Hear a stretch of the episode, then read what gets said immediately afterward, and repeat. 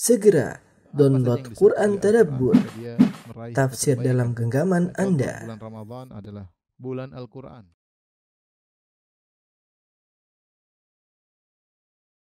Bismillahirrahmanirrahim. Assalamualaikum warahmatullahi wabarakatuh. Alhamdulillahi ala ihsani wa syukru lahu ala taufiqihi wa amtinani. Asyhadu an la ilaha illallah wahdahu la syarika lahu ta'ziman li sya'nih. Wa asyhadu anna Muhammadan abduhu wa rasuluhu da'ila ridwani. Allahumma salli alaihi wa ala alihi wa ashabihi wa ikhwani. Ibu-ibu yang dirahmati Allah Subhanahu wa taala, eh, pembahasan kita pada kesempatan kali ini adalah tentang kiat-kiat agar bisa istiqomah setelah uh, bulan Ramadan. Sebagaimana kita ketahui, memang bulan Ramadan adalah bulan yang spesial yang orang semua pada semangat untuk bisa beribadah di bulan tersebut dan itu adalah suatu hal yang sangat wajar karena memang Allah Subhanahu wa taala memberikan banyak janji pada bulan tersebut. Pintu-pintu surga dibuka, pintu-pintu neraka ditutup, kemudian eh, pahala dilipat gandakan, ampunan Allah Subhanahu wa taala diberikan kepada hamba-hambanya. Gampangannya Allah Subhanahu wa taala di bulan Ramadan ini mengobrol pahala, beral ampunan, ya semuanya Allah berikan. Bahkan Allah mengkondisikan bulan tersebut di mana setan-setan dibelenggu, wasufidati syayatin, setan-setan di dibelenggu.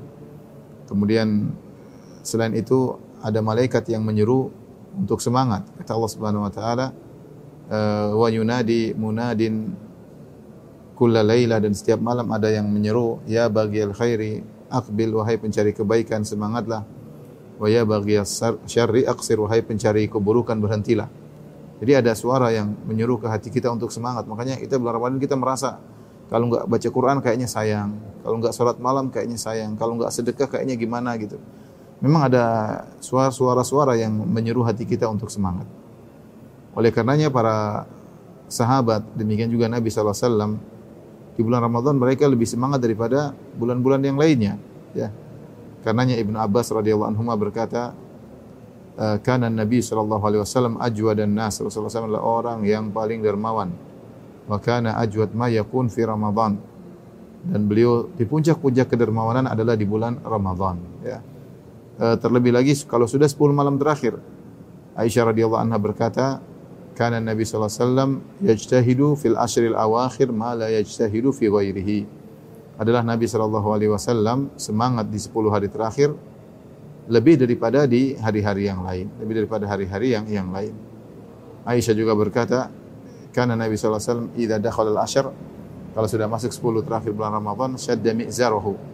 Rasulullah SAW mengencangkan ikat pinggangnya yang artinya Rasulullah SAW tidak menggauli istri-istrinya wa ahya lailahu Rasulullah SAW menghidupkan malamnya wa aiqadha ahlahu dan Rasulullah SAW bangunkan istri-istri uh, beliau ini semua adalah hal yang wajar karena memang bulan Ramadan dikondisikan oleh Rabbul Alamin maka sungguh celaka orang di bulan Ramadan kemudian tidak semangat beribadah kepada Allah Subhanahu wa taala yang jadi pertanyaan atau kalau boleh dikatakan yang menjadi ujian yang sesungguhnya adalah setelah bulan Ramadan. Apakah nilai-nilai Ramadan yang telah kita dapatkan, nuansa Ramadan yang telah kita dapatkan masih bisa kita pertahankan setelah bulan Ramadan sampai 11 bulan di mana setan-setan dilepas kembali.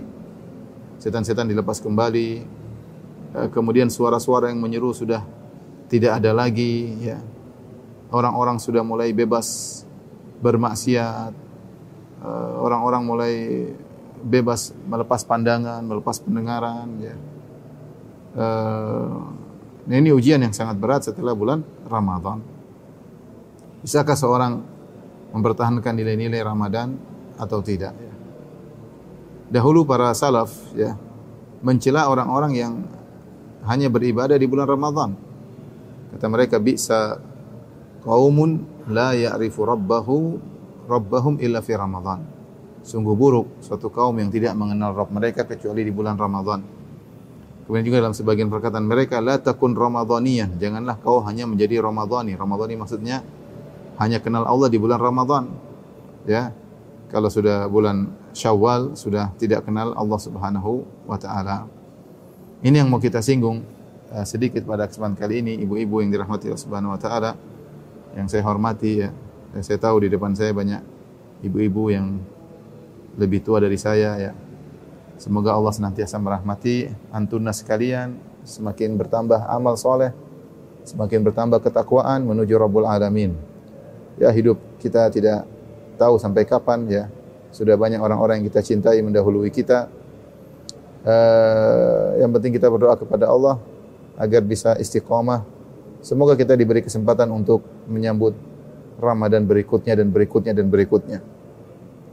Ibu-ibu yang dirahmati Allah Subhanahu wa taala, ketika kita membahas tentang istiqomah setelah bulan Ramadan, bukanlah maksud saya bahwasanya kita terus beribadah seperti di bulan Ramadan. Ya, maksudnya tetap baca Quran satu hari bisa dua juz, tiga juz, kemudian uh, sholat malam sampai dua jam, ya, kemudian sedekah sekian-sekian. Saya tidak maksudkan demikian. Ya. Saya katakan tadi di awal pengajian adalah suatu kewajaran uh, seorang bersemangat di bulan Ramadan. Berbeda dengan bulan-bulan yang lainnya. Perbedaan itu ada. Dan itu yang dilakukan oleh Nabi SAW. Nabi SAW di bulan Ramadan juga semangatnya uh, lebih daripada bulan yang lain. Tadi saya sudah katakan. Uh, Ibn Abbas yang melihat hal ini dia mengatakan karena Nabi SAW ajwa dan nas Rasulullah adalah orang paling dermawan wa kana ajwad ma yakun fi Ramadan dan di bulan Ramadan lebih lagi. Sama di uh, 10 hari terakhir tadi sudah saya sampaikan Aisyah membedakan kalau 10 hari terakhir Nabi lebih semangat daripada selain dari 10 hari terakhir. Ya. Maka uh, bukanlah maksud saya karena orang sering tanya Ustaz bagaimana kita di bulan uh, Ramadan bisa uh, kemudian uh, mempertahankan semangat kita. Saya bilang itu adalah hal yang uh, sulit ya dan bukan itu maksud kita ketika kita membahas uh, kita istiqomah setelah Ramadan. Karena Ramadan memang sudah dikondisikan setan-setan dibelenggu, suara-suara menyeru. Ah, pengkondisian itu sudah tidak ada lagi setelah bulan Ramadan. Wa rabbuka yakhluqu ma yasha'u wa yakhtar, maka lahumul khiyara. Allah yang menciptakan, Allah yang kehendaki dan Allah memilih yang Allah kehendaki. Allah pilih bulan Ramadan menjadi bulan spesial terserah Allah Subhanahu wa taala. Tapi maksud kita ketika kita bahas pembahasan ini, bagaimana istiqomah setelah Ramadan? Maksudnya nilai-nilai Ramadan itu tidak hilang secara total, tapi masih ada sisanya ya. Meskipun mungkin tinggal 50%, mungkin tinggal 40%, Jangan sampai setelah Ramadan tutup, salat malam juga tutup. Kemudian baca Quran juga tutup. Sedekah juga tutup. Itu yang kita tidak inginkan. Kita tidak inginkan. Kita ingin setelah Ramadan berakhir, salat malam masih ada. Meskipun tidak semaksimal di bulan Ramadan. Sedekah masih ada. Meskipun tidak semaksimal di bulan Ramadan. Baca Quran masih ada. Meskipun tidak semaksimal bulan Ramadan. Tapi nilai-nilai itu masih masih terus terus ada. Ini yang maksud saya uh, seorang uh, berusaha untuk menjaga nilai-nilai ini meskipun tidak sama seperti bulan Ramadan. Nah ini yang mau kita bahas. Gimana caranya agar nilai-nilai tersebut masih terus uh, ada dalam diri kita? Ya. Ada beberapa hal yang perlu kita perhatikan. Yang pertama, ibu yang dirahmati Subhanahu wa taala agar kita bisa istiqomah setelah bulan Ramadan, jangan lupa berdoa Doa yang terindah adalah minta diterima pahala kita oleh Allah Subhanahu wa taala, diterima ibadah kita selama bulan Ramadan. Makanya para salaf dahulu kalau mereka bertemu eh, setelah salat Id, mereka berkata taqabbalallahu minna wa minkum. Semoga Allah menerima amal ibadah kita dan amal ibadah kalian. Ini doa yang paling indah. Dan inilah yang didoakan diucapkan oleh uh, Nabi Ibrahim alaihissalam dan Ismail ketika mereka membangun Ka'bah. Kata Allah Subhanahu wa taala, "Wa idh yarfa'u Ibrahimul qawaida minal baiti wa Ismailu, Rabbana taqabbal minna innaka antas samiul alim." Ketika Ibrahim dan Ismail mengangkat meninggikan uh, pondasi Ka'bah sambil mengangkat batu mereka susun mereka berdua sambil seraya berdoa Rabbana taqabbal minna ya Rabb kami terimalah amalan kami innaka antas samiul alim sungguhnya engkau maha mendengar lagi maha mengetahui. Mereka sambil beribadah membangun masjid Allah, membangun masjid haram, membangun Ka'bah, mereka berdoa. Karena mereka tahu kalau amal sudah diterima, maka ini luar biasa. Allah berfirman, Inna ma yataqabbalullahu minal muttaqin. Sungguhnya Allah menerima, hanyalah menerima dari orang-orang yang bertakwa. Sungguhnya Allah hanya menerima dari orang-orang yang yang bertakwa. Nah, kita ingin setelah kita Ramadan kita diterima amal ibadah kita. Karenanya Ibnu Rajab Al-Hambali dalam kitabnya Lataiful Ma'arif Lataiful Ma'arif dia menyebutkan bahwasanya salaf kanu para salaf orang saleh dahulu mereka berdoa hampir setengah tahun. Berdoa agar amal mereka diterima. Mereka berdoa kepada Allah Subhanahu wa taala. Minta agar puasanya diterima. Kita ini subhanallah kita puasa enggak tahu puasa kita beres atau tidak. Ya. Uh, kemudian kita enggak tahu ya Uh, subhanallah kita selama puasa bisa jaga pandangan atau tidak, bisa jaga pandangan atau tidak. Saya kemarin uh, artinya ya kita berusaha, saya sudah di masjid, sudah itikaf, sudah berusaha jaga pandangan, terkadang lolos juga. Kemarin teman kirim ada pemberitahuan kabar yang penting saya buka ternyata ya di depannya ada iklan atau apa gitu ya astagfirullah itu sudah di masjid aja terkadang masih belum bisa menjaga pandangan apalagi kalau di eh, di luar ya. Eh, kita nggak tahu puasa kita nilainya apa di sisi Allah Subhanahu wa taala. Kita nggak tahu sedekah kita yang ya sedikit masih diliputi dengan rasa pelit diterima oleh Allah atau tidak. Uh, kita tidak tahu tilawah kita yang terburu-buru mengejar target ya. Kadang baca tanpa penghayatan entah diterima atau tidak. Wallahu alam kita tapi kita husnudzon sama Allah. Allah Maha baik. Allah tahu kekurangan kita. Allah adalah Rabb yang sangat sayang kepada hamba-hambanya. Sedikit yang kita lakukan ini yang ya yang mungkin tidak ada uh, artinya tapi mudah-mudahan menjadi besar di sisi Allah Subhanahu wa taala. Nah, kita angkat tangan kita berdoa kepada Allah. Allahumma taqabbal minna siyamana. Ya Allah terimalah puasa kita ya Allah, puasa kami. Taqabbal minna ya qiyamana, terimalah salat malam kami ya Allah. Taqabbal minna tilawatina ya Allah terimalah tilawah-tilawah kami ya yang sedikit, yang penuh dengan kekurangan, yang jauh dari kesempurnaan, yang jauh dari tadabbur. Taqabbal minna sadaqatina, ya Allah terimalah kami dari sedekah-sedekah kami. Berdoa kepada Allah Subhanahu wa taala. Ya. Uh, kalau kita diterima amalan ibadah kita, maka niscaya kita menjadi orang-orang yang bertakwa yang itu merupakan tujuan utama dari berpuasa.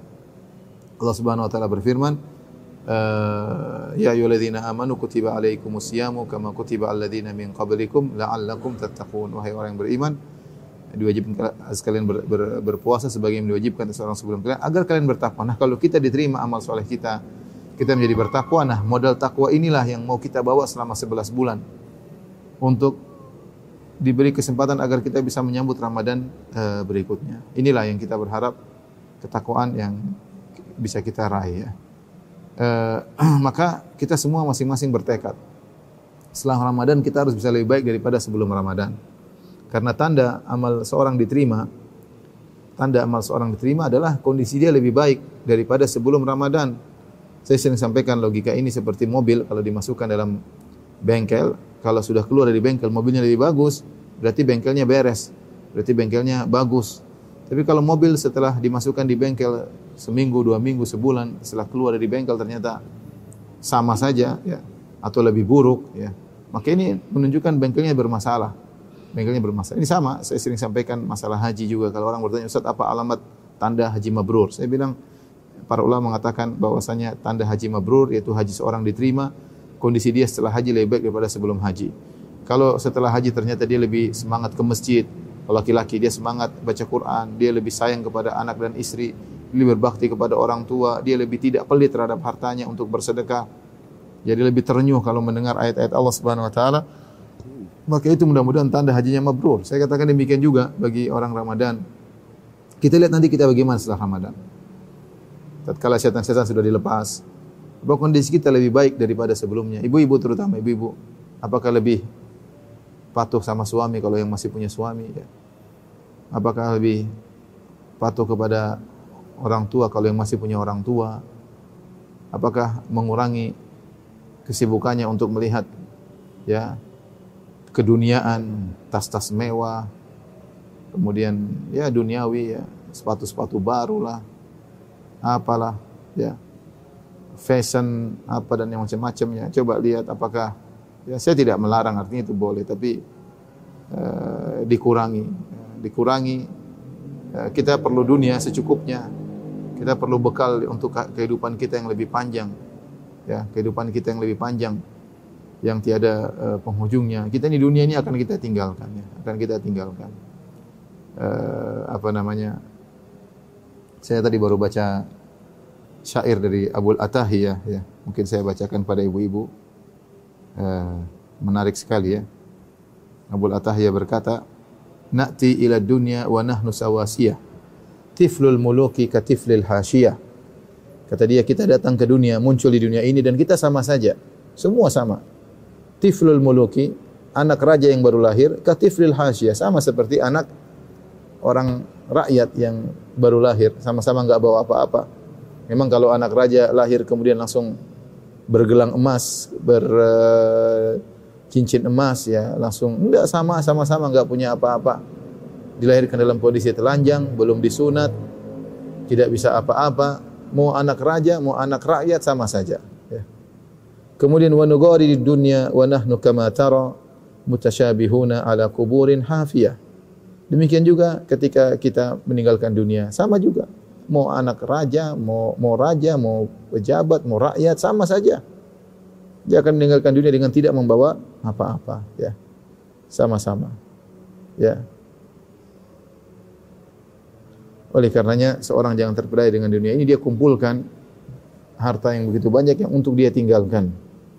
Maka ibu-ibu yang saya hormati ya uh, untuk kita bisa istiqamah di antaranya kita berusaha menjadi orang yang bertakwa. Orang yang bertakwa itu orientasinya adalah akhirat.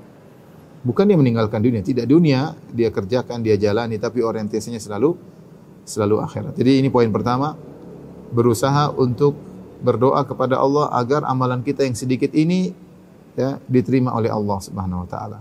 Bilang angkat tangan ya Allah, jadikanlah sedekahku yang sedikit ini Allah. Jadikankah bacaan Qur'anku yang sedikit ini Allah, jadikanlah salat malamku yang tidak khusyuk ini Allah. Sedikit ini jadi besar di sisimu. Jadi besar di sisimu. Balaslah dengan sebaik-baiknya ya Allah ya Rabbal Alamin. Hari di mana aku bertemu dengan Kau ya Allah, jangan Kau hinakan aku. Jangan Kau kurangi uh, pahalaku. Berdoa kepada Allah Subhanahu wa taala. Allah Maha sayang. Allah Maha rahmat kepada hamba-hambanya. Yang kedua, kalau kita sudah berdoa kepada Allah agar diterima oleh Allah, uh, di antaranya kita berdoa untuk istiqomah, untuk istiqomah. Dan doa yang paling agung dalam hal ini adalah doa yang kita baca setiap hari 17 kali minimal yaitu ihdinas siratal mustaqim. Ibu-ibu kalau salat uh, renungkan Al-Fatihah dengan baik-baik ya. Kita ini kurang renungan kenapa? Karena kita sudah hafal mati. Begitu kita salat seakan-akan sudah langsung di setel Al-Fatihah jalan begitu saja sehingga meskipun pikiran kita ke mana-mana kita bisa mengucapkan Al-Fatihah. Hafal sudah di luar kepala ya. Sehingga kadang penghayatannya kurang. Padahal Al-Fatihah ini luar biasa. Dalamnya ada suatu doa, doa yang terbaik. Doa yang terbaik, ihdinas siratal mustaqim. Sampai-sampai Allah wajibkan orang baca doa itu. Kalau tidak baca doa itu salatnya tidak sah. Karena Rasulullah SAW bersabda, La salata illa bi umil kitab. Tidak ada salat kecuali dengan baca Al-Fatihah. Dalam Al-Fatihah ada doa tersebut. Kita renungkan. Bismillahirrahmanirrahim. Alhamdulillahirabbil alamin. Segala puji bagi Allah. Segala puji atas segala nikmat yang Allah berikan kepada kita dan segala puji bagi Allah yang maha sempurna dalam sifat-sifatnya. Alhamdulillahirabbil alamin. Ar-Rahmanir Rahim yang maha pengasih lagi maha uh, penyayang. Alhamdulillahirabbil alamin. Ar-Rahmanir Rahim. Kemudian Maliki Yaumiddin yang menguasai hari pembalasan. Hari di mana ketika kita dibangkitkan tidak ada yang macam-macam di hari tersebut yang menguasainya Allah. Kata Allah, Anal Malik, aina mulukul ardi. Aku adalah raja. Mana raja-raja dunia? Enggak ada yang berani membanggakan batang hidungnya. Enggak ada. Semua yang, sombong, yang congkak di dunia, ketika di akhirat tidak bisa berkutik. La tasma'u illa hamsa. Tidak ada berani ngomong. Ya. La yatakallamuna illa man lahur rahman. Tidak ada yang bisa bicara kecuali diizinkan oleh Allah. La tasma'u illa hamsa. Kau tidak mendengar kecuali hanya desahan-desahan. Orang enggak berani bicara kuat-kuat. Hari yang sangat mengerikan. Siapa yang menguasainya? Maliki Yaumiddin, raja hari pembalasan Allah Subhanahu wa taala. Setelah itu kita baca iyyaka na'budu wa iyyaka nasta'in. Ya Allah hanya kepada Engkau lah kami beribadah. Wa iyyaka nasta'in hanya kepada Engkau lah kami mohon pertolongan. Ya Allah aku beribadah ini bukan untuk cari perhatian orang. Aku beribadah bukan untuk dipuji oleh orang. Aku beribadah bukan untuk di, dipuji oleh followers atau viewers atau subscribers dan tidak. Aku beribadah karena Engkau ya Allah. Aku beribadah karena untuk persiapan aku bertemu dengan Engkau ya Allah. Ya. Iya karena abud hanya kepada Engkau lah aku beribadah. Aku tidak mau riya ya Allah, aku tidak mau ujub, aku hanya beribadah untuk Engkau ya Allah. Ya. Kondisiku sudah semakin lemah, mataku semakin rabun, rambutku semakin putih. Ya, tubuhku semakin lemah. Ya, kemampuanku semakin terbatas. Kekuatanku semakin melemah. Aku beribadah hanya untuk mencari keridhaan Engkau ya Allah. Kita ikrarkan dalam salat kita iyyaka na'bud, hanya kepada Engkau kami beribadah. Wa iyyaka nasta'in dan hanya kepada Engkau lah kami mohon pertolongan. Ya Allah segala keberhasilanku hanyalah darimu. Aku bisa ngaji, aku bisa salat, aku bisa bersedekah, aku bisa berbakti kepada orang tua, aku bisa patuh kepada suami, aku bisa menahan suaraku, tidak aku angkat suaraku di hadapan suamiku, aku bisa sayang kepada anak-anak, ya. Dan semuanya, aku bisa ramah sama tetangga, aku tidak sombong kepada teman-temanku hanya karena pertolongan Engkau ya Allah. Iyyaka nasta'in. Semua ini mukaddimah. Alhamdulillah alamin, Ar-Rahmanir Rahim, Maliki yaumiddin, iyyaka na'budu wa iyyaka nasta'in. Kita masuk pada intinya, ihdinas siratal mustaqim. Tunjukkanlah aku kepada jalan yang lurus. Ini adalah permintaan agar kita istiqamah. Karena ketika kita minta untuk jalan yang lurus, maksudnya apa? Ya Allah, tunjukkanlah aku jalan yang lurus kalau aku belum tahu. Kalau aku sudah di atas jalan lurus tersebut, kokohkanlah aku di atas jalan lurus tersebut. Itu maksudnya. Iya ihdinas siratal mustaqim. Jalannya siapa? Siratal ladzina an'amta alim. Jalan orang-orang yang kau beri nikmat kepada mereka. Minan nabiyyin dalam ayat yang lain, ulaika ladzina an'ama Allahu alaihim minan nabiyyin wasiddiqin wasyuhada wassalihin wa husna ulaika rafiqa. Jalannya para nabi, jalannya syuhada, jalannya siddiqin, jalan syuhada, jalan salihin. Orang-orang saleh. Kita minta jalan orang saleh. Ghairil maghdubi alaihim waladdallin, bukan jalannya orang-orang yang kau murkai dan juga bukan jalan orang-orang yang kau sesatkan, yang sesat. Al-maghdub alim yang dimurkai oleh Allah yaitu Yahudi yang mereka punya ilmu namun mereka tidak amalkan. Ini jalan yang bikin orang tidak istiqamah, punya ilmu, belajar sana, belajar sini, ngaji sana, ngaji sini. Grup WA pengajian, grup WA pengajian, majelis taklim ini, majelis taklim anu, ikut sana, ikut sini tapi enggak ada perubahan. Hati-hati ibu-ibu. Dibagian ibu Masya Allah bikin masjid salim ini, majelis salim ini, rame-rame sini, ngundang ustadz ini, bangga ngundang ustadz sanu, bangga. Tapi tetapi tidak ada perubahan. Tetap kasar sama suaminya. Ya. Tetap sombong sama teman-temannya. Tetap tidak mau ngalah sama kakak dan adiknya. Ya. Terus ngaji lama ini buat apa? Hanya buat mengumpulkan hujah yang akan menyerang dia pada hari kiamat kelak. Ya. Seperti orang Yahudi. Ghairil maghdubi alaihim punya ilmu tapi enggak diamalin, dimurkai oleh Allah Subhanahu wa taala. Itu Yahudi kerjanya seperti itu. Kita jangan seperti Yahudi. Ngaji sana ngaji sini ya, tapi enggak ada perubahan. Kita ingin kalau kita udah ngaji ada perubahan. Semakin bertakwa kepada Allah, hati tidak terikat dengan dunia. Ya. Orientasi selalu akhirat. Lebih berbakti lebih berbakti pada orang tua. Lebih tunduk kepada suami. Lebih sayang kepada anak-anak tidak sombong kepada teman-teman, tidak pelit kepada tetangga, ya. Ini berarti kita ada perubahan. Walad dalin bukan jalan orang-orang yang sesat. Orang yang sesat yang orang-orang yang sesat yaitu orang-orang yang uh, beribadah tanpa ilmu. Kita juga tidak ingin orang-orang yang beribadah uh, tanpa ilmu melakukan bid'ah bid'ah semangat tapi semangatnya bid'ah semuanya. Tidak diajarkan oleh Nabi sallallahu alaihi wasallam bersafar sana kemari, ya, ikut hadir di sana sini, joget-joget sana sini, bid'ah semua isinya. Tidak ada yang diajarkan oleh Nabi sallallahu alaihi wasallam. Kita enggak ingin seperti itu.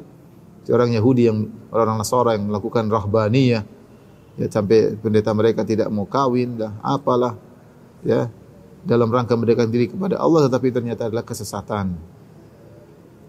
Jadi di antara hal yang buat kita bisa istiqomah ibu yang dirahmati Allah Subhanahu wa taala adalah berdoa agar kita istiqomah. Di antara doa yang sangat agung iyyaka na'budu wa iyyaka nasta'in ihdinas siratal mustaqim. Jadi nasihat saya untuk saya pribadi dan untuk ibu-ibu mulai sekarang nanti kalau sholat asar baca ihdinas siratal mustaqim tenang jangan buru-buru. Pelan-pelan alhamdulillah alamin renungkan segala puji bagi Allah Ar-Rahmanir Rahim yang Maha Pengasih lagi Maha Penyayang. Malik Yaumiddin yang mengasih pembalasan. Ya karena abudu iya karena nasta'in hanya kepada Engkau lah kami mohon menyembah dan kami pertolongan. Ihdinas siratal mustaqim. Ya. Ihdinas siratal mustaqim, tunjukkanlah kami jalan yang uh, lurus. Tunjukkanlah kami jalan yang uh, yang lurus. Tapi di antara doa yang diajarkan oleh Nabi SAW adalah Ya muqallibal qulub tsabbit qalbi ala dinik. Ya muqallibal qulub tsabbit qalbi ala dinik. Ya wahai pembolak-balik hati manusia, tegarkan hatiku di atas agamamu. Hati ini sangat mudah bolak-balik, Ibu, ya. Ramadan semangat, habis Ramadan kacau, ya. Ikut pengajian semangat, habis pengajian kacau lagi, ya. Minta kepada Allah agar hati kita ini kokoh di atas agama Allah Subhanahu Kalaupun dia keluar dia balik lagi, kalaupun dia menyimpang dia balik lagi. Karena yang yang membuat hati ini menyimpang banyak sekali di, di, di, di luar sana banyak sekali hal yang memalingkan hati kita dari ya, eh, dari dari jalan kebenaran. Jadi berdoa. Di antara doanya juga doa dalam Al-Qur'an, Rabbana la tuzigh qulubana ba'da idh hadaitana wa hab lana min ladunka rahmah innaka antal wahhab. Rabbana la tuzigh qulubana ba'da idh hadaitana. Ya Allah, jangan kau palingkan hati kami setelah kau beri petunjuk kepadanya. Subhanallah doa yang sangat indah. La tuzigh qulubana ba'da idh hadaitana. Jangan kau palingkan hati kami. Hati ini berat kita ngurusin hati ini. Jangan kau palingkan ya Allah. Hati ini punya punya syahwat, punya keinginan, punya ini banyak sekali berbelik di hati kita. Pingin ini, pingin anu, pingin ini, pingin anu, pingin. Subhanallah. Kita bilang ya Allah, la tuzigh qulubana ba'da idh hadaitana. Jangan kau beri, jangan kau palingkan hatiku setelah kau beri hidayah kepadanya. Ya. Ya. Ini doa agar kita bisa istiqomah. Karena kita ini kalau enggak dikasih istiqomah oleh Allah, enggak mungkin kita bisa istiqomah. Enggak mungkin ibu yang dirahmati Allah Subhanahu wa taala. Ya. Allah mengatakan, "Walaula fadlullahi alaikum wa rahmatuhu, ma zaka minkum min ahadin abada, walakinallaha yuzakki man yasha." Kalau bukan karunia Allah dan rahmat Allah, maka tidak seorang pun dari kalian yang akan menjadi orang soleh. Tidak ada seorang kalian yang menjadi wanita soleha. Walakin Allah man yasha, tapi Allah tetapi Allah Subhanahu wa taala mensucikan siapa yang Allah kehendaki. Doa benar-benar doa tadarru dengan merendah wa khifah dengan rasa takut kepada Allah, angkat tangan minta kepada Allah agar diberi istiqamah. Ya. Uh, agar diberi husnul khitam, husnul khatimah. Uh, sebagaimana doanya doanya Nabi Yusuf, Rabbi qad ataitani minal mulki wa 'allamtani min ta'wilil ahadits. Fid dunya wal akhirah. Tawaffana tawaffani muslima wa alhiqni bis salihin. Tawaffani muslima wa alhiqni bis salihin. Itu doa Nabi Yusuf, tawaffani ya Allah wafatkan aku dalam kondisi Islam dan susulkan aku kepada orang-orang yang yang saleh doa ini Jangan dianggap sepele, ini sangat penting. Kalau Allah berkehendak, Allah tinggal bilang kun fayakun. Allah bilang jadilah ummu fulan. Ya, berubah menjadi wanita salehah mudah bagi Allah. Ummu fulan menjadi wanita yang penyabar mudah bagi Allah. Allah menghendaki jadilah ummu fulan wanita yang dermawan mudah bagi Allah Subhanahu wa taala. Jadilah ummu fulan yang sabar di hadapan suaminya mudah bagi Allah. Jadilah jadikanlah ummu fulan menjadi wanita yang sabar terhadap anak-anaknya sangat mudah bagi Allah. Tinggal berdoa minta kepada Allah. Kita masing-masing sadar, sebagian ibu sadar betapa dia tidak sabar di hadapan suaminya. Sebagian ibu sadar, sadar betapa dia tidak sabar di hadapan anak-anaknya. Ya. Sebagian wanita sadar betapa dia orientasinya benar-benar duniawi. Pinginnya ini, pinginnya ini. Kalau sudah lihat barang baru, tas baru kayak dompet baru, le apa ke sepatu baru, berbinar-binar luar biasa, ya. Berlebih-lebihan. Taib ini yang yang kedua yang hendaknya kita perhatikan agar kita bisa istiqomah. Yang ketiga di antara hal yang buat kita bisa istiqomah setelah Ramadan adalah mengamalkan amal ibadah yang kontinu meskipun sedikit. Rasulullah SAW bersabda, "Ahabbul a'mali ila Allah adwamuha wa inqal." amalan yang paling dicintai oleh Allah adalah yang paling berkesinambungan meskipun sedikit. Ya, Allah punya aturan. Allah punya aturan mana amalan yang paling Allah cintai. Ya. Bukan bukan bukan barometer kita, ya. bukan barometer kita. Tapi Allah punya aturan. Aturannya adalah kontinu meskipun sedikit. Makanya ketika seorang memakai barometer dia, dia tiga orang ketika datang kepada istri Nabi bertanya tentang ibadah Nabi. Faka'annahum taqaluha. Mereka melihat ibadah Nabi kayaknya kurang mereka punya logika. Kalau Nabi sih ibadah segitu wajar karena dia telah diampuni masa lalu dan masa depannya dan dia dijamin masuk surga. Adapun kita, kita ibadah kita kita nggak jelas. Maka akhirnya mereka bertekad. Salah satu berkata, ini usolli wala anam. Aku akan salat malam, aku tidak pernah tidur. Satu berkata, wa asum wala uftir. Aku akan senantiasa puasa dan tidak pernah berbuka. Puasa setiap hari. Satu berkata, wa atazilun nisa. Aku akan meninggalkan para wanita. Aku meninggalkan para wanita. Semangat luar biasa. Tapi barometer manusia. Ternyata Nabi tegur. Nabi berkata, antumul ladina kutum kata wa kata. Kalian yang mengatakan demikian demikian. Fa inni akhsyakum li rabbi wa atqakum. Aku adalah orang yang paling takut kepada Allah, yang paling khasyah kepada Allah, paling bertakwa. Walakinni usalli wa anam. Tapi saya salat, saya tidur. Wa asum wa uftir. Aku puasa, aku berbuka. Wa atazawwajun nisa dan aku menikahi para wanita. Man raghiba an sunnati falaysa minni. Siapa yang benci dengan sunnahku bukan bagian dari golonganku. Lihatlah Nabi ajarin bahwasanya ibadah bukan bukan barometer Anda, tapi Allah punya barometer. Di antara barometer Allah adalah adua muhawa ingkal. Amalan yang paling dicintai adalah yang ber, paling berkontinu meskipun sedikit. Ketika Rasulullah SAW pernah melihat seorang wanita di zaman Nabi salat, kemudian sampai saking capek tapi dia pegang tali supaya tetap salat meskipun letih. Rasulullah larang. Kata Rasulullah SAW, Alaikum minal amali ma tutiqun. Hendaknya kalian melakukan amal yang kalian mampu. Fa inna allaha la yamallu hatta tamallu. Sungguhnya Allah tidak bosan sampai kalian yang bosan. Ya. Oleh karenanya uh, seorang berusaha beramal yang dia mampu. Dia ukur dirinya. Ya. Jangan dia lihat kemudian bagaimana misalnya Abu Bakar radhiyallahu anhu Umar yang beribadah seperti itu kemudian ingin tiru padahal dia tidak mampu. Kita kalau mau niru Abu Bakar kita nggak mampu. Abu Bakar kalau berinfak seluruh hartanya siapa yang mampu? Kita nggak mampu. Saya mampu seharta semua kasih Islam. Gak ada yang mampu. Abu Bakar radhiyallahu anhu seperti itu. Kenapa dia demikian? Karena dia punya iman sudah naik. Ya, kita perlu latihan pelan-pelan. Yang kita mampu, yang kita mampu tapi continue. Makanya Rasulullah SAW mengajarkan ibadah-ibadah yang yang mungkin dilakukan dengan continue. Contoh, uh, contoh kalau setelah apa namanya Ramadan jangan lupa puasa Syawal 6 hari. Enggak sulit 6 hari. Ya, 6 hari kita bisa puasa. Man shoma Ramadan fa atba'ahu sittan min Syawal fa ka'annama shoma dahar. Siapa yang puasa bulan Ramadan kemudian mengikuti mengikutkannya dengan enam hari di bulan Syawal seakan-akan dia puasa selama setahun. Ya. Hal ini dikarenakan al hasanah bi asyri amsalihah karena satu kebaikan dilipat gandakan 10 kali lipat. Siapa yang puasa di bulan Ramadan satu bulan seakan-akan dia puasa 10 bulan.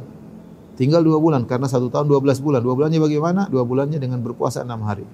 Siapa yang berpuasa enam hari seperti puasa 60 hari. Karena satu kebaikan lipat gandakan 10. 60 hari seperti dua bulan. Maka lengkaplah dia puasa selama setahun. Silakan puasa syawal. Alhamdulillah mau diurutkan langsung berturut-turut. Mau dipisah-pisahkan nggak ada masalah. Setelah itu kita mulai. Setelah itu kita mulai dengan uh, puasa yang uh, ibadah-ibadah yang apa namanya yang kontinu meskipun sedikit. Contoh, ibu yang dirahmati Allah Subhanahu wa taala puasa. Kita setelah Ramadan masih ada puasa. Puasa kalau bisa puasa Daud yang mampu silakan. Mungkin ada ibu-ibu sudah uh, sudah nggak ngurus suaminya mungkin sudah meninggal. Dia juga nggak banyak kegiatan. Ya daripada nongkrong di rumah mending saya cari pahala puasa Daud. Oke, okay, alhamdulillah dia mampu. Silakan puasa Daud. Tapi tidak semua ibu bisa demikian. Harus ngurus suami, ngurus anak-anak, capek, puasa Daud nggak mampu. Ya udah, kalau nggak bisa puasa Daud, bisa puasa sehari, dua hari berbuka. Bisa. Ini model puasa juga yang orang kadang-kadang lupa. Padahal boleh. Puasa sehari, puasa Senin, kemudian Selasa, Rabu, libur. Kemudian Kemis, puasa lagi. Kemudian Jumat, Sabtu, libur. Minggu, puasa lagi. Kemudian Senin, Selasa, libur. Jadi begitu. Puasa sehari, berbuka dua hari. Puasa sehari, berbuka dua hari. Ini boleh juga. Kalau tidak mampu, ada puasa Senin Kemis. Alhamdulillah, Senin Kemis. Senin Kemis, Senin Kemis, Senin Kemis. Alhamdulillah, dua sebulan kita bisa delapan kali puasa, delapan hari. Pahalanya luar biasa. Kalau tidak mampu Senin Kemis, paling tidak tiga hari sebulan. Tiga hari sebulan, kalau bisa ayamul bil, tanggal 13, 14, 15. bulan Hijriyah 13, 14, 15 maka itu yang terbaik. Kalau tidak kapan saja yang penting tiga hari. Kapan saja yang penting tiga hari sebagaimana wasiat Nabi kepada seorang sahabat Ausani Khalili bi thalath. Kekasihku Rasulullah SAW wasiatkan kepadaku tiga perkara. Uh, di antaranya siyamu thalathati ayyam min kulli syahr. Berpuasa tiga hari dalam sebulan. Mau awal bulan, mau tengah bulan, mau berturut-turut, mau pisah-pisah terserah. Kenapa tiga hari? Karena tadi kita punya kaedah al hasanatu bi asyri amsalihha. Uh, bahwasanya kebaikan dilipat gandakan 10 kali. Siapa yang berpuasa tiap bulan 3 hari dia seperti puasa sebulan. Ini contoh contoh kita masih membawa nilai-nilai Ramadan. Masih membawa nilai-nilai Ramadan. Kalau ternyata kita juga nggak bisa puasa tiga hari sebulan, alhamdulillah nanti ada puasa Arafah misalnya, ada puasa 10 Muharram. Nah, apa yang bisa yang bisa kita lakukan? Yang bisa kita lakukan masing-masing orang beda-beda. Yang penting continue. Ini puasa. Berkaitan dengan misalnya sholat malam. Sholat malam yang kita tinggalkan. Bukan berarti setelah Ramadan selesai, kemudian eh, kalau apa namanya Ramadan sudah selesai, berarti sholat malam kita buang, kita ceraikan talak tiga. Enggak. Ramadan memang kita intensitas sholat malam lebih banyak. Bisa jadi sejam, bisa jadi dua jam. Ya. Tapi setelah Ramadan, jangan kita tinggalkan sholat malam. Bahkan Jangan kita tinggalkan meskipun malam Idul Fitri. Kalau kita nggak bisa sholat malam panjang-panjang malam Idul Fitri, meskipun satu rakaat, meskipun satu rakaat atau tiga rakaat, ya tiga rakaat satu rakaat, oke. Okay. Yang penting kita berusaha uh, tidak meninggalkan sholat malam, ya. Kemudian kita uh, tadi yang penting continue. Saya tidak bilang ibu-ibu harus sholat setengah jam, ya. Nabi SAW saja ketika sholat malam dia tidak bangunkan Aisyah sejak awal. Karena berat kalau seperti Nabi. Nabi sholat sampai tatawarram qadamah sampai kedua kakinya bengkak. Dalam riwayat hatta tatafattar qadamah sampai kedua kakinya pecah-pecah. Tapi Rasulullah SAW sholat waktu lama kalau sudah mau witir dia bangunkan Aisyah. Istrinya dia bangunkan untuk sholat. Saya tahu ibu-ibu capek ya. Siang hari banyak urusan. Urus suami, urus anak-anak. Ada di antara ibu-ibu yang juga bekerja. Masya Allah. Udah letih pulang, sudah capek, udah belum lagi banyak urusan lah. Mungkin kalau suruh bangun jam setengah empat sholat mungkin berat. Ya udah tidak apa-apa. Kita di Jakarta azan setengah lima, lebih dikit. Bangun jam empat, sholat meskipun 15 menit. Kontinukan. Itu modal paling utama bertemu dengan Allah Subhanahu wa taala. Jangan ujub, jangan sombong. Ya. Tetap merasa rendah, tetap merasa hina. Tapi kontinukan ibu-ibu. Saya tidak bikin terlalu banyak teori ya. Majelis talim ini, majelis talim ini, ngaji sana, ngaji sini, tapi nggak ada prakteknya.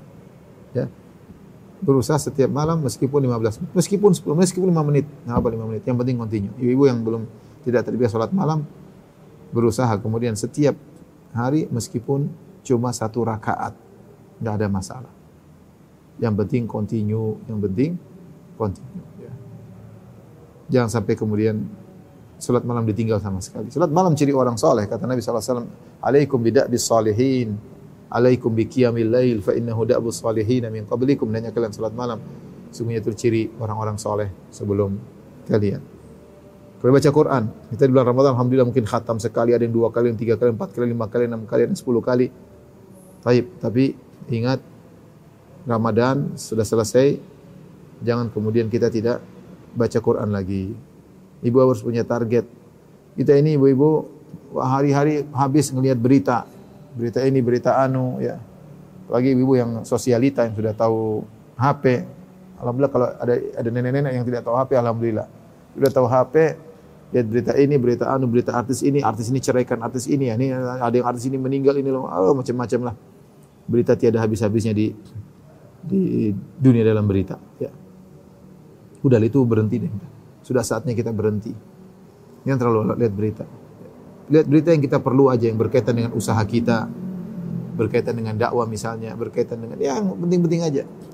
Kalau kita mau lihat berita pun aja ada, ada jadwalnya. Bukan setiap saat kita orang kirim berita kita buka, orang berita kita buka. Kalau orang itu kirim berita terus kita blok aja orang ini, gangguin kita ya. Atau kita nasihati jangan kirim-kirim lagi berita ke saya. Ya. Saya tidak mau umur saya habis untuk lihat berita-berita. Nanti kalau dihisap hari kiamat, umurnya habis buat lihat berita. Aduh, berita yang nggak tahu ujungnya mungkin isinya bohong, isinya hoax. Ya sudah kalau ada cerita, cerita sudah selesai. Ya diikuti melulu ini bagaimana, bagaimana, bagaimana, bagaimana sampai kapan? Terus kapan? Penting ustadz, iya penting. Tapi mana lebih penting kamu mengaji? Kalau kamu anggap penting, mana lebih penting daripada kamu ngaji? Kamu yang ngurus anak, mengurus suamimu masih banyak lebih penting daripada berita seperti itu. Ya. Continue dalam beribadah. Nah kita baca berita Quran nggak kita baca. Hari-hari lewat tidak ada lembaran Quran kita baca. Gimana hati nggak keras? Gimana nggak keras sama anak-anak? Bagaimana nggak lembut sama suami? Bagaimana mau mau lembut sama suami sementara Quran nggak pernah kita baca? Hati kita membatu. Isinya cuma berita sana berita sini. Berita politik maki sana maki sini. Isinya kebohongan, isinya ini macam-macam lah. Udah ibu kita udah tua, ya ibu udah tua. Ya. Saya juga sudah tua ya. Udahlah waktunya kita bukan saya larang maksudnya boleh lah cuma sedikit-sedikit jangan banyak-banyak. Jangan banyak-banyak. Umur kita ini sangat-sangat pendek. Ya. Tiap hari tiap tahun tambah tahun ulang tahun. ulang tahun berarti umur kita semakin habis bukan sedang-sedang ulang tahun. Ada nenek-nenek ulang tahun 60 tahun ambil ambil 60 ditiup ketawa ketiwi ah subhanallah sebentar lagi meninggal 60 tahun kalau nenek jangan pakai lilin pakai obor yang banyak Ini umur kita sudah sedikit, semakin bertambah hari semakin kita berkurang, kita semakin mendekat kepada titik pertemuan dengan Allah Subhanahu wa taala. Mau habisin waktu kita nonton-nonton berita. Berita-berita artis, yang artisnya nggak kenal kita, mau kita lihat beritanya ngapain? Hah? Hanya ibu, Subhanahu wa taala, udahlah Saatnya kita kembali kepada Allah. Kita semua punya kekurangan. Ada istighfar, alhamdulillah. Istighfar kepada Allah Subhanahu wa taala. Jadi jangan tinggalkan Al-Qur'an. Baca Al-Qur'an sehari. Ada target, sehalaman kek, dua halaman kek. Kalau punya waktu lagi sambil ditadaburi, dibaca maknanya, artinya dibaca, itu yang nambah iman kita. Itu modal kita ketemu Allah Subhanahu Itu modal kita di alam kubur ibu-ibu. Minggu ke alam kubur bawa tas, bawa gelang, bawa cincin, bawa uh, tas branded, bawa mobil mewah, enggak enggak. Yang dibawa adalah bacaan Qur'annya, sedekahnya, bakti sama orang tua, bakti sama suami, amal soleh yang akan dibawa. Dan itu yang akan menemani di hari di alam barzakh, menemani ibu-ibu kalau lagi sendiri di situ dalam kegelapan. Di alam barzakh gelap sendirian. Maka jangan lupa di antara amalan kontinu yang bisa kita kerjakan baca Quran. Dan harus ada target ibu-ibu target ya. Kalau kita nggak baca Quran, hati kita keras. Itu sudah kepastian. Itu sudah kepastian. Saya sering sampaikan, saya tidak berbicara, saya bicara tentang diri saya yang bacaan saya rata-rata masalah agama. Tapi saya harus nyisikan waktu untuk baca Quran. Padahal saya baca buku tafsir, buku tafsir Al-Quran juga, cuma ya saya harus sisihkan waktu baca Quran. Baca Quran supaya hati saya bisa saya kontrol ya lebih baik. Hati hati ini sering berkhianat Sering pingin ini, pingin anu, pingin anu, pingin ini, macam-macam isi hati ini nggak bisa kita kontrol. Kalau baca Quran paling tidak bisa kita arahkan ya hati kita yang masih banyak kotoran dalam dalam hati kita. Sedekah jangan lupa. Sedekah ibu-ibu paling tidak sedekah kalau kepada kerabat. Jangan pelit sama kakak, jangan pelit sama adik, jangan pelit sama tante, sama bibi, apalagi sama orang tua. Ibu mungkin sudah banyak orang tua sudah meninggal.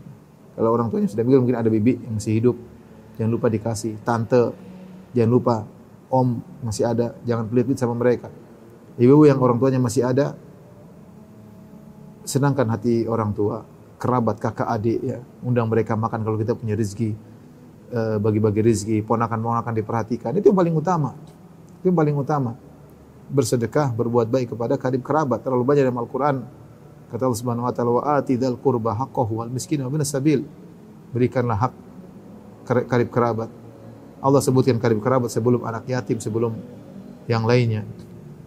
Walakinnal birra man amana billahi wal yaumil akhir wal malaikati wal kitab wan nabiyyin wa atal mala ala hubbihi dzawil qurba wal yatama wal masakin wa bin sabil. Orang yang beriman yang berbuat kebajikan yang memberikan harta yang dia cintai kepada karib kerabatnya. Harta yang dia cintai dia berikan kepada karib kerabatnya. Sebelum dia berikan kepada anak yatim, kepada ibnu sabil, kepada orang miskin. Intinya sedekah harus jalan terus. Ya, ada sebagian buat kerabat, sebagian buat tetangga, sebagian orang miskin. Kita bagi-bagi kalau kita punya harta banyak. Kalau nggak punya harta banyak ya sudahlah. Kita banyak berzikir, banyak bertasbih.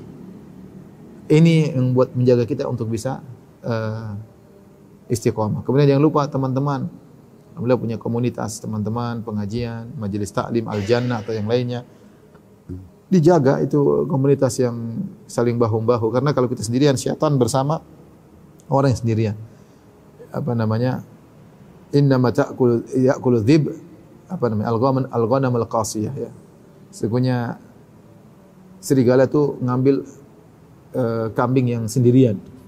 Kalau kambing lagi rame-rame dia agak takut. Tapi kalau kambingnya ujung sendirian itu yang di, ditangkap oleh serigala. Maka seorang berusaha berteman, cari teman-teman yang ingatkan kepada akhirat, bukan teman-teman yang ingatkan dunia. Kita punya teman-teman yang ingatkan dunia banyak, tapi kita ingin cari teman yang kalau kita lihat dia kita ingat akhirat. Kalau kita lihat dia kita ingat hisab. Ya. Bukan kalau lihat dia ingat dunia melulu. Ya. Teman yang kalau lihat kita lihat dulu banyak lihat artis saja ingat dunia kita. Lihat artis, lihat ini, lihat oh lihat ingat dunia melulu. Dia teman yang kalau kita lihat kita ingat akhirat. Kurang bisa maaf wabillahi taufiq wal hidayah. Assalamualaikum warahmatullahi wabarakatuh.